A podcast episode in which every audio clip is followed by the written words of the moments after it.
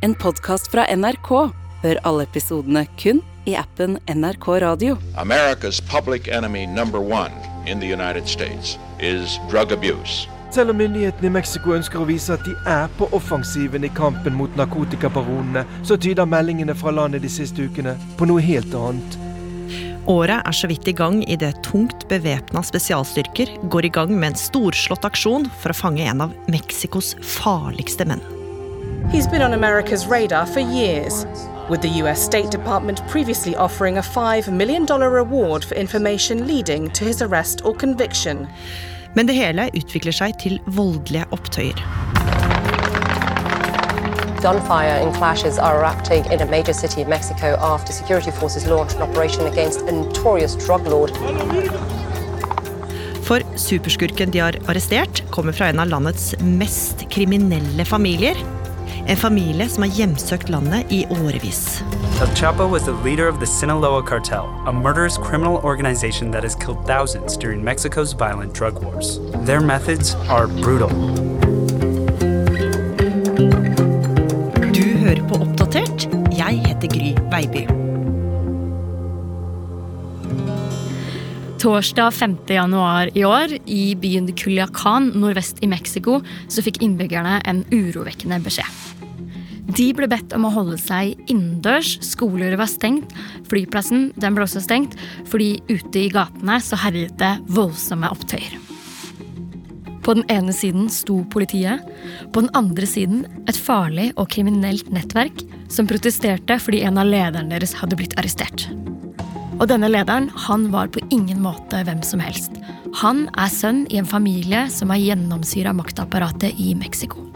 Nemlig den kjente El Chapo-familien. Kaja Kirsebom, du er journalist her i Oppdatert, og den familien her den er helt spesiell, for de har terrorisert landet lenge. Og måten de har klart å bli så mektige på, det starta på mange måter med et helt avgjørende møte på 80-tallet. Året det var 1989, og et eller annet sted, vi vet faktisk ikke hvor, så hadde en gruppe med barske menn samla seg. De tilhørte Mexicos narkoundergrunn, og de skulle snakke om noe veldig viktig. For etter at en av de store kartellkongene hadde blitt fengsla, så hadde det oppstått et stort maktvakuum i landet. Og for å fortsette videre på alt han hadde bygd opp, så hadde de nå bestemt seg for at de skulle splitte hans store kartell inn i mindre deler. Og da var det jo mange menn som var på dette møtet, og som ønsket seg en del av dette. Og nå skulle de fordele smuglerruter, makt og andre viktige områder mellom seg. En av dem som satt rundt bordet, og som nå håpa på å få en stor bit av kaka, det var Joaquin Guzman, også kjent som El Chapo, som oversatt betyr Den korte. Han var en kraftig bygd mann på godt under 1,70, med mørkt hår og ganske stor bart. El Chapo han var en veldig ambisiøs og fremadstormende fyr. Han hadde vokst opp i en fattig familie i Mexico og hadde tidlig drømt om en annen livsstil. For som barn så hadde han klippet ut falske papirpenger og lekt med de, og gått rundt med falske gullkjeder. Og som tenåring så flyttet han fra bygda og til byen. Og der begynte han karrieren som sjåfør for en kriminell organisasjon som smugla narkotika, eller et kartell, som det heter. El Chapo han klatra fort i gradene. Han var en sånn type som likte å ta på seg litt ekstra ansvar og viste seg frem for sjefene. Og hvis noen smuglere våget å være forsinket med leveransene, så pleide han egenhendig å skyte de i hodet. Så El Chapo han var med andre ord en fyr som sendte ganske tydelige signaler om at han ikke likte å bli trossa. Og i dette møtet så var det jo helt avgjørende at El Chapo og de andre spilte kortene sine riktig. For det som ble bestemt her, det kunne avgjøre fremtiden deres. Og El Chapo han kom jo selvfølgelig seirende ut av dette møtet. Og hans kartell, Sinaloa-kartellet, som er oppkalt etter en region i Mexico, den hvor han kom fra, de fikk nå kontroll over store områder. Så nå kunne jo bare spillet begynne for El Chapo. Og han var jo ikke akkurat typen som satt bakoverlent i godstolen mens han bladde i seddelbunkene som strømma inn. Han var en slags gründer som hadde bestemt seg for å revolusjonere hele bransjen, Kaja. Ja, det stemmer, og han skulle snart få en storslagen idé.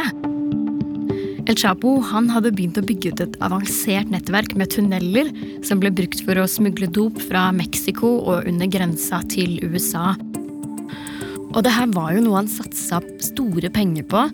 For målet hans det var hele tiden å forbedre logistikken og gjøre smugleretappene både bedre og mer effektive. Og med den iveren for å jobbe etter å effektivisere produktkjeden og bygge ut store globale nettverk, så ble kanskje El Chapo smuglernes Ingvar Kamprad, altså mannen bak Ikea, som endra en hel bransje. Og i dette nybrottsarbeidet hvor pengene altså strømma inn, så havna også en del ut i samfunnet. Han ble jo en uhyre populær eh, figur. Ja, noen elsket ham og så på El Chapo som en slags lokal julenisse som holdt hjulene i gang. Altså, Han var typen som skaffa folk jobb, og han strakk ut en hånd til de som var i nød. Og på mange måter så ble han kanskje litt som en slags mikrovelferdsstat i lokalsamfunnet. Men han var jo også en fyr som veldig mange frykta. Han opererte innenfor en business som sto ansvarlig for å ta livet av folk, både direkte og indirekte, med stoffene som han smugla og solgte. Og en viktig del av forretningsmodellen hans var jo å bestikke myndighetspersoner. Sol Chapo hadde på mange måter tatt over deler av makta til den meksikanske staten, og det var det jo langt fra bare staten som mislikte, for med så mye makt, penger og lovløse tilstander, så ble det jo fort litt intriger. Lederne i et rivaliserende kartell ville gjerne sette ham på plass, og de neste åra ble prega av maktkamper som utvikla seg til å bli en slags krig. I flere år så ble det utført blodige drap og hevnaksjoner. Kona til en annen leder i gjengen til El Chapo hun skulle ha blitt forført og lurt og seinere halshugd. Og de små barna deres skal senere også ha blitt drept. Og dette skal jo igjen ha kosta livet til mange av mennene i den andre gjengen. Og sånn her pågikk det i mange år frem og tilbake, hvor du enten dreper eller blir drept. Og i 1993 kulminerte det hele til et kartelldrama for åpen scene. Et drama som fikk hele Mexico og den katolske verden til å stoppe opp. For en maidag fikk den rivaliserende gjengen til El Chapo et tips om at sjefen sjøl befant seg på en flyplass i en av de største byene i landet. De bestemte seg for å drepe ham, og idet de fikk øye på en hvit, fancy ny bil som de var sikre på at han satt i, så plafra de løs med maskingevær. Men mannen i bilen som ganske snart ble drept, viste seg å være en helt annen. Ja, dette var jo den ene av de to kardinalene i Mexico. Altså en av de høyeste stillingene man kan ha innenfor den katolske kirken. I tillegg ble flere andre drept. I Mexico ble kardinal Juan Jesus Posedas Ocampo og hans sjåfør, fire andre mennesker, skutt og drept av ukjente menn i, i en by vest for Mexico City by i går kveld. Det er ikke kjent hvem som står bak drapene. Drapene de ble raskt kjent over hele verden og skulle få store konsekvenser. Og nå ville myndighetene straffe alle som hadde vært involvert. Og ikke minst så ville de sette ned foten for de rivaliserende gjengenes voldsbølge. Og Derfor så tok det ikke så veldig lang tid før hele Mexico ble kjent med ansiktet til den nå etterlyste El Chapo. Man kunne se ham på TV, avisforsider. Han var rett og slett blitt en figur som myndighetene ville ha tak i. Og kanskje så begynte han å kjenne at det begynte å brenne under føttene hans. Som en drept kardinal, bilder av seg selv på alle forsider og politiet på nakken, så tok det ikke mange ukene før narkokongen ble hanka inn og dømt til 20 års fengsel for narkotikakriminalitet og bestikkelser. Og til tross for en dom som sørga for at han skulle sitte innesperra i hele 30- og 40-årsalderen, så gjorde El Chapo mildt sagt det beste ut av oppholdet. El Chapo han var jo ikke bare en innflytelsesrik person, han var også en veldig smart fyr. Det skulle ikke ta lang tid før han hadde rukket å bestikke omtrent alle som jobba i fengselet, deriblant fengselsdirektøren selv, og de sto omtrent på lønningslista hans. Og med denne nye innflytelsen så fikk han jo større muligheter. Ikke bare så kunne han nyte full service i et ganske høysikkerhetsfengsel. Han kunne også smugle inn elskerinner og prostituerte og leve i sus og dus. Og I tillegg så fortsatte han også å drive kartellvirksomheten sin fra fengselet. Men han sona ikke hele straffen, for etter sju år bak lås og slå, så hadde han tydeligvis fått nok. For da rømte han kaia. Det finnes jo flere ulike historier om hvordan han klarte det. El Chapo er jo en ganske mytisk figur, men det vi veit, er at rømningen skal ha vært veldig nøye planlagt, og at den skal kostet han flere millioner kroner, og at titalls av mennesker skal ha vært involvert. Den mest kjente historien om hvordan dette skulle ha skjedd, involverte at døren til cellen hans ble åpna, og at han ble frakta ut av fengselet gjemt i en stor skittentøystralle. Og etter det så skulle han visstnok ha betalt politiet for å ikke lete etter han før det hadde gått et døgn. Ute på frifot igjen så var El Chapo rask med å gjenoppta drifta. Han og Sinaloa-kartellet hans ble verdens største smuglere og forsynte USA med tonnevis av narkotika. Og hele tiden så klarte han jo selvfølgelig å ligge et skritt foran myndighetene og konkurrentene sine. Og i 2009 så skulle han havne på den prestisjetunge lista til Forbes Magazine over verdens rikeste menn. Guzman's criminal resume infamous. Thought to be responsible for 25% of drugs entering the U.S. Joaquin El Chapo Guzman was considered at one point one of the richest men in the world. So rich, he made the Forbes magazine billionaires list. Og mens El Chapo kara til seg mer makt, så ble myndighetene i Mexico stadig mer besatt på å prøve å sette en stopper for de kriminelle kartellene som terroriserte befolkninga. Y digo que es una lucha de todos los mexicanos. I say this is a fight of all Mexicans because criminals don't discriminate. They hurt all of society. Nearly 50,000 soldiers and Marines are now deployed in regions where drug violence is raging. Nosotros estamos luchando. We're fighting for you. Be sure, as long as it takes, we will win. Krigen mot narkotika var i full gang, og i 2014 havna El Chapo nok en gang i fengsel. 6:40 a.m. Just before dawn on Saturday, an elite unit of Mexican Marines bursts into this apartment in Mazatlan, Mexico. They find the world's most wanted drug lord lying shirtless next to his beauty queen wife. He had an AK 47 uh, next to the bed. When the Mexican Marines uh, entered the uh, condominium, uh, he was still asleep. They used the element of surprise, and he did not have a chance to react and seize his weapon. Men heller ikke dette fengselsoppholdet skulle bli særlig permanent, Kaja. Nei, fordi dag etter dag så satt El Chapo på cella si og så på TV med lyden på full guffe. Og det han visste, men som kanskje ikke alle rundt han visste, var at under bakken så jobba folk intenst med å lage en tunnel for å hjelpe han med å rømme. Og var det noe El Chapo kunne, så var det jo å lage tunneler. Ja, det var noe både han og folkene hans hadde lang erfaring med. Så ved hjelp av GPS-koordinater så gikk de til verks. Målet var å grave en tunnel fra en anleggsplass som lå 1,5 km unna fengselet, som gikk under bakken, og at denne tunnelen skulle havne med millimeterpresisjon under dusjen i cellen til El Chapo, for det var selvfølgelig det eneste stedet hvor det ikke var overvåkningskamera.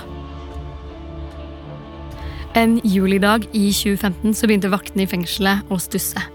El Chapo hadde jo vært i dusjen i over 20 minutter, så nå tok de turen bort til cellen hans for å se hva som var på ferde. Men der fant de ingen El Chapo som vasket seg og gjorde seg ren. De fant et stort hull i bakken, og ned fra det hullet så var det en stige som førte ned til en tunnel. Den hadde kunstig belysning og et luftanlegg som var bygd for anledningen. Og da vaktene gikk ned, så kunne de se hjulspor etter en motorsykkel. The world's richest, most notorious drug kingpins broke out of prison. Former cartel leader is considered one of the most dangerous drug traffickers in the world. But El Chapo Guzman was able to construct a tunnel that was almost a mile long, 1,500 kilometers. Now the authorities are looking for this man, one of the most sought after in the world, and who is apparently locked up for good. The escape of Chapo Guzman translates into two things more violence for Mexico and more drugs coming into the United States. Denne gangen hadde virkeligheten overgått fantasien, og den spektakulære rømninga så jo ikke akkurat bra ut for myndighetene. Nei, det er jo klart at det her ble veldig flaut, for en av de viktigste jobbene til et fengsel er jo tross alt å holde folk inne. Og et halvt år seinere så skulle El Chapo bli tatt på nytt. Og denne gangen så var det kanskje det store egoet hans som kom i veien. For El Chapo hadde jo lenge ment at historien om ham og Sinaloa-kartellet burde bli foreviget for ettertiden, enten med film eller med en TV-serie eller noe annet. Han var jo tross alt en av verdens mest berykta smuglere og kriminelle. Og i den forbindelse så hadde han jo kontakta masse folk i filmbransjen, for han hadde jo lyst til at det skulle bli laget noe på ham. Men selv om det ikke ble noe napp på filmideen med en gang, så skulle han jo få den publisiteten han hadde ønska seg. For snart så dukka den kjente skuespilleren Sean Penn opp på døra for å gjøre et intervju med han for Rolling Stone Magazine.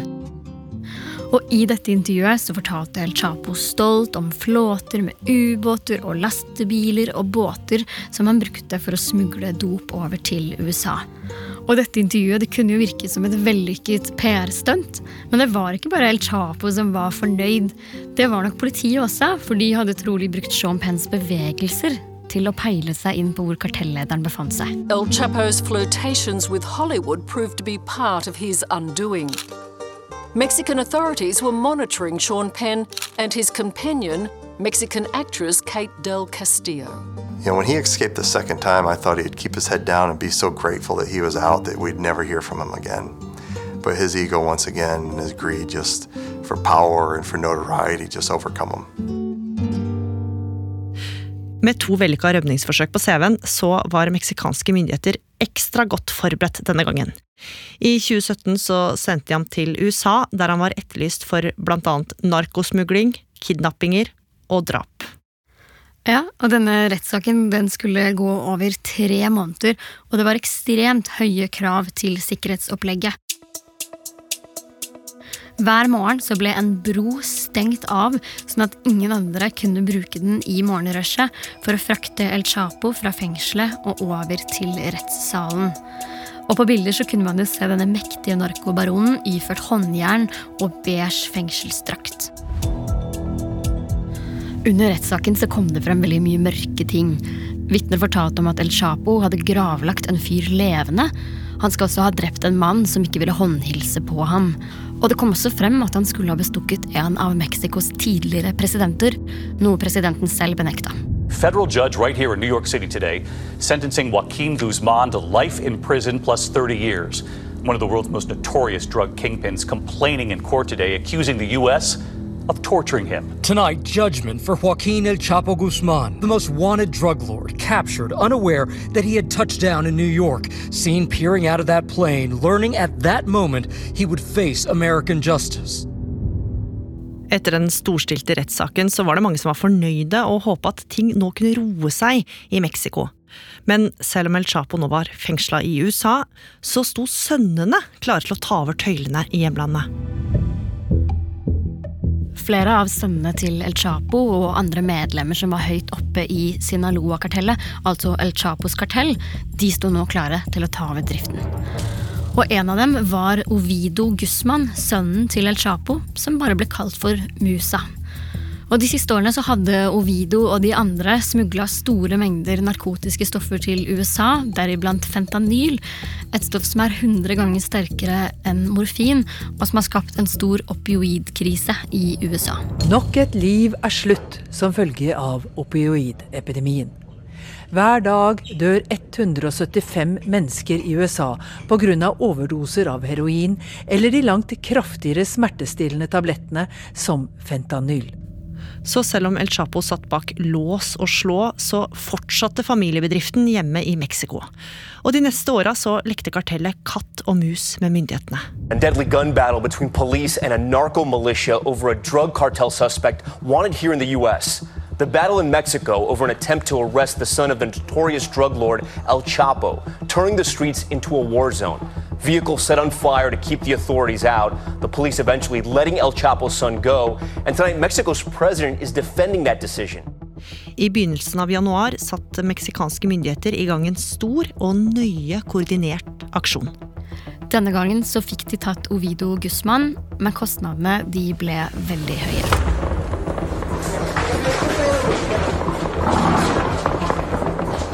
For etter arrestasjonen så tok hundrevis av folk som var tilknytta kartellene, til gatene. De håpet å skremme myndighetene med så mye vold og terror at de ikke så noe annen mulighet enn å løslate Ovidio. Scenene fra den meksikanske byen Culican de gikk nå verden over. I gatene så kunne man se politi og spesialstyrker som skjøt mot narkobander, og skudd som ble gjengjeldt.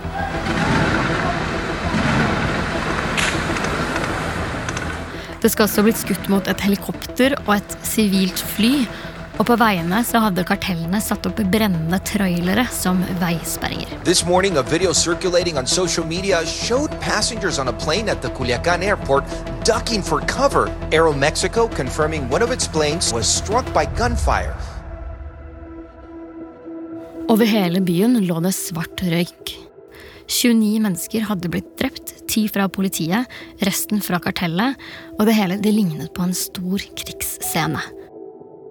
Men Ovido Guzman han forble varetektsfengsla. Bare dager etter opptøyene landa USAs president Joe Biden i Mexico.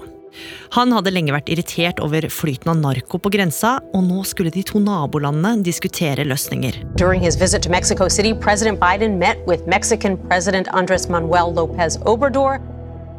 Og med det var det mange som spekulerte i om arrestasjonen av Guzman hadde vært en slags gest for å vise USA at Mexico virkelig tok grep. Og Benedicte Bull, du er professor ved Senter for utvikling og miljø ved Universitetet i Oslo. Hva betyr arrestasjonen av sønnen til El Chapo? Ja, Det viser jo at eh, samarbeidsforholdet med USA når det gjelder å bekjempe organisert kriminalitet, er betydelig bedre nå enn det var for få år siden. For dette har vært et samarbeid, og det er viktig for Mexico å vise at de tar noen av de store toppene internt i Mexico så tror jeg ikke det har så veldig mye å si, for han er jo eh, en av eh, fire ledere av den delen av Sinaloa-kartellet. Og, og, samtidig så har Sinaloa-kartellet mange konkurrenter, og, og særlig én stor gruppering som de er i stadig eh, konflikt med. Så det vil kanskje forskyve maktbalansen internt i Sinaloa-kartellet, muligens svekke svekke Sinaloa-kartellet lite grann i forhold til eh, Jalisco Nueva Generación, som er hovedkonkurrenten, men det vil ikke endre det store bildet veldig mye. Kriminelle organisasjoner har fremdeles stor makt i eh, store deler av Mexico. Hva har den familien her betydd for Mexico? Ja, de har jo blitt på en måte et ansikt, eller Chapo, som er blitt en på en måte superkjendis blant narkobaronene, har gitt et ansikt til en kriminell underverden. Eh, og blitt nærmest en sånn populærkulturelt ikon. Det arrangeres eh, Chapo-bursdager, eh, hvor her kler kanskje unger seg ut som sjørøvere, og der er det narkobaroner. Eh, men de har også tre kjennetegn som kanskje skiller dem litt fra andre organisasjoner og grupperinger. og Det ene er at er de, de, har vært veldig innovative når det gjelder eh, ulike former for teknologi og kriminelle aktiviteter, ikke minst det med å grave tunneler til eh, USA. Uh, og så har de vært mer ekspansive globalt enn de fleste andre grupperinger. De er nå til stede i, eh, i Kina, Asia, USA, hele Latin-Amerika, Afrika, Europa. Og samtidig så har de beholdt en sånn slags form for kriminell aktivitet som er liksom tradisjonelt meksikansk, hvor man både terroriserer eh, lokalbefolkningen, bruker stor grad av vold, men også yter tjenester og, og, betaler for alt fra kreftoperasjoner til lokale broer og eh, Men det var jo også den gruppen som Ovido Lopez eh, tilhører, som eh, var med på å opprettholde karanteneregler under pandemien. Og det viser jo at de har på en måte en sånn lokal rolle som nærmest eh, en sånn parallell myndighet.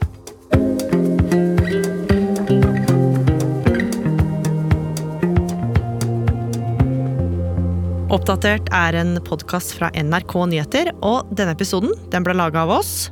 Produsent Kaja Kirsebom. Ayan Aden. Lyddesign. Espen Bjørlo Mellem. Vaktsjef. Ina Swann. Og jeg heter Gry Veiby. Programredaktør er meg, Knut Magnus Berge. Klippene du har hørt, er fra CNN, NBC, CBS, The Guardian, BBC, AP, ABC, Al Jazeera, Vox, Richard Nixon Foundation, 60 Minutes Australia og NRK. Har du tips eller innspill, send oss en e-post, da. Adressen er oppdatert krøllalfa nrk.no. Og du, liker du det du hører, så må du gjerne tipse en venn om oss. Visste du at vi er på randen av en antibiotikakrise? Jeg heter Alexander Santer og er kjemiker. Hei! Hvordan tenker egentlig hunder? Jeg heter Maren Teien Rørvik og er ekspert på dyreatferd, og jeg jobber som hundetrener.